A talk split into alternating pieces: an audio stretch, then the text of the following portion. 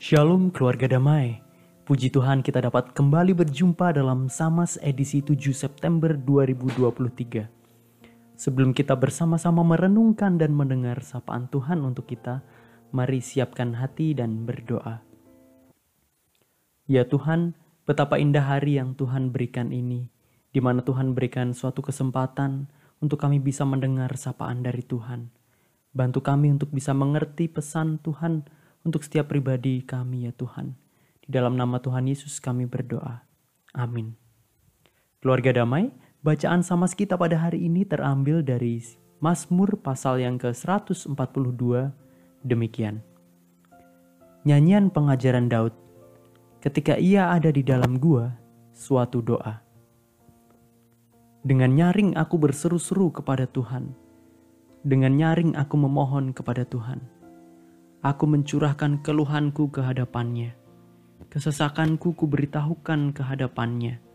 Ketika semangatku lemah, lesu di, di dalam diriku. Engkaulah yang mengetahui jalanku. Di jalan yang harus kutempuh. Dengan sembunyi mereka memasang jerat terhadap aku. Pandanglah ke kanan dan lihatlah. Tidak ada seorang pun yang menghiraukan aku. Tempat pelarian bagiku telah hilang tidak ada seorang pun yang mencari aku. Aku berseru-seru kepadamu ya Tuhan, kataku. Engkaulah tempat perlindunganku, bagianku di negeri orang-orang hidup. Perhatikanlah teriakku, sebab aku telah menjadi sangat lemah. Lepaskanlah aku daripada orang-orang yang mengejar aku, sebab mereka terlalu kuat bagiku. Keluarkanlah aku dari dalam penjara untuk memuji namamu orang-orang benar akan mengelilingi aku apabila engkau berbuat baik kepadaku.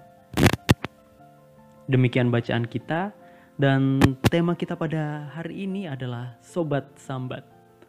Nah keluarga damai, siapakah dari antara kita yang tidak pernah sambat?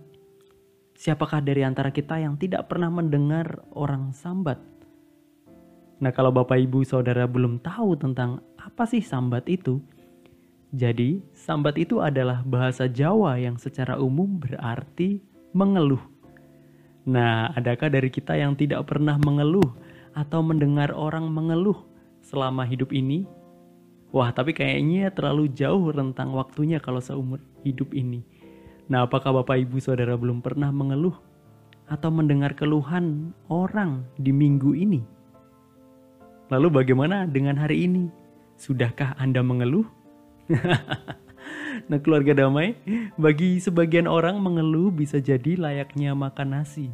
Sudah jadi bagian dari kehidupan sehari-hari. Selalu ada yang bisa dikeluhkan.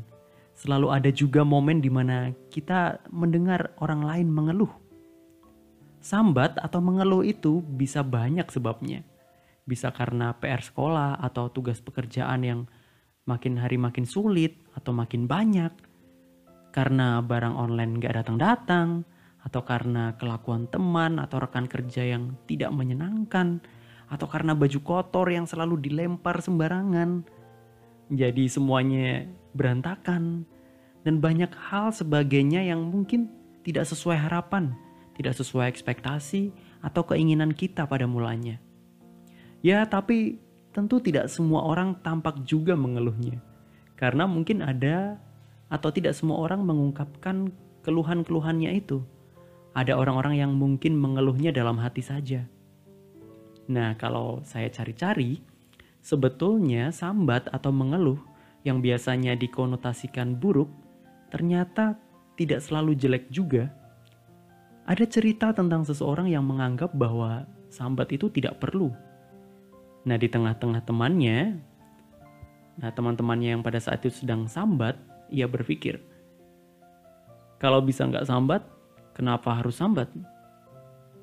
Nah prinsip ini terus dipegang dalam hidupnya.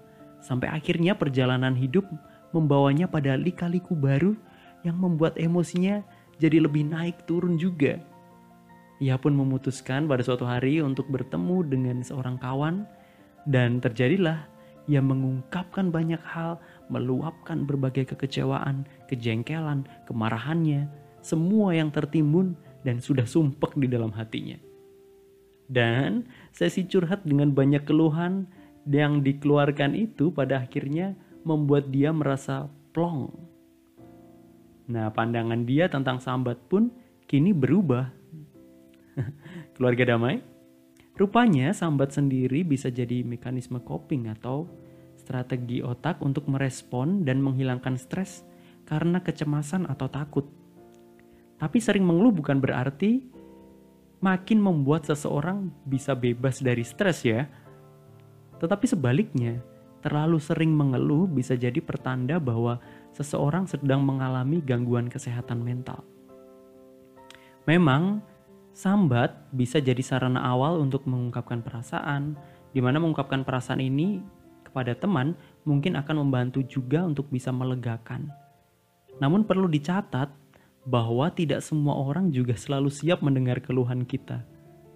Tentu mereka juga ingin mendengar cerita lain selain mendengar kita mengeluh, mengeluh, dan mengeluh.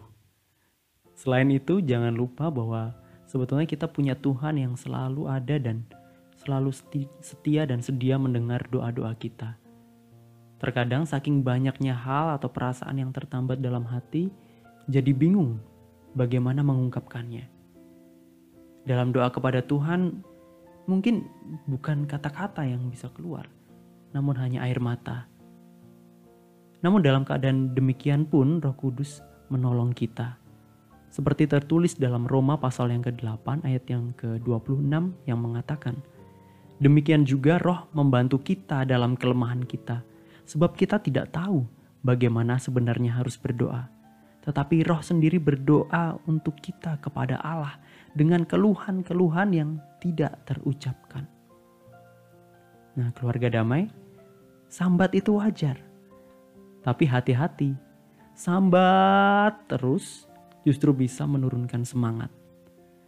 Itu karena fokus kita akhirnya jadi lebih banyak ke hal yang negatif, bukan pikiran yang positif. Sehingga pikiran kita malah makin bumpet. Sedangkan pemazmur mengungkapkan apa yang menjadi keluhan dan kegelisahan hatinya dalam doa maupun syair-syairnya. Tidak hanya itu, sambatnya pada Tuhan diiringi dengan keyakinan bahwa Tuhan selalu ada dan selalu sedia untuk menolong. Itulah yang membuat pikiran yang negatif tadi berubah menjadi lebih positif. Iman percaya kita itulah yang membuat kita bisa bangkit lebih kuat, lebih siap mengambil langkah untuk menghadapi dan menyelesaikan masalah.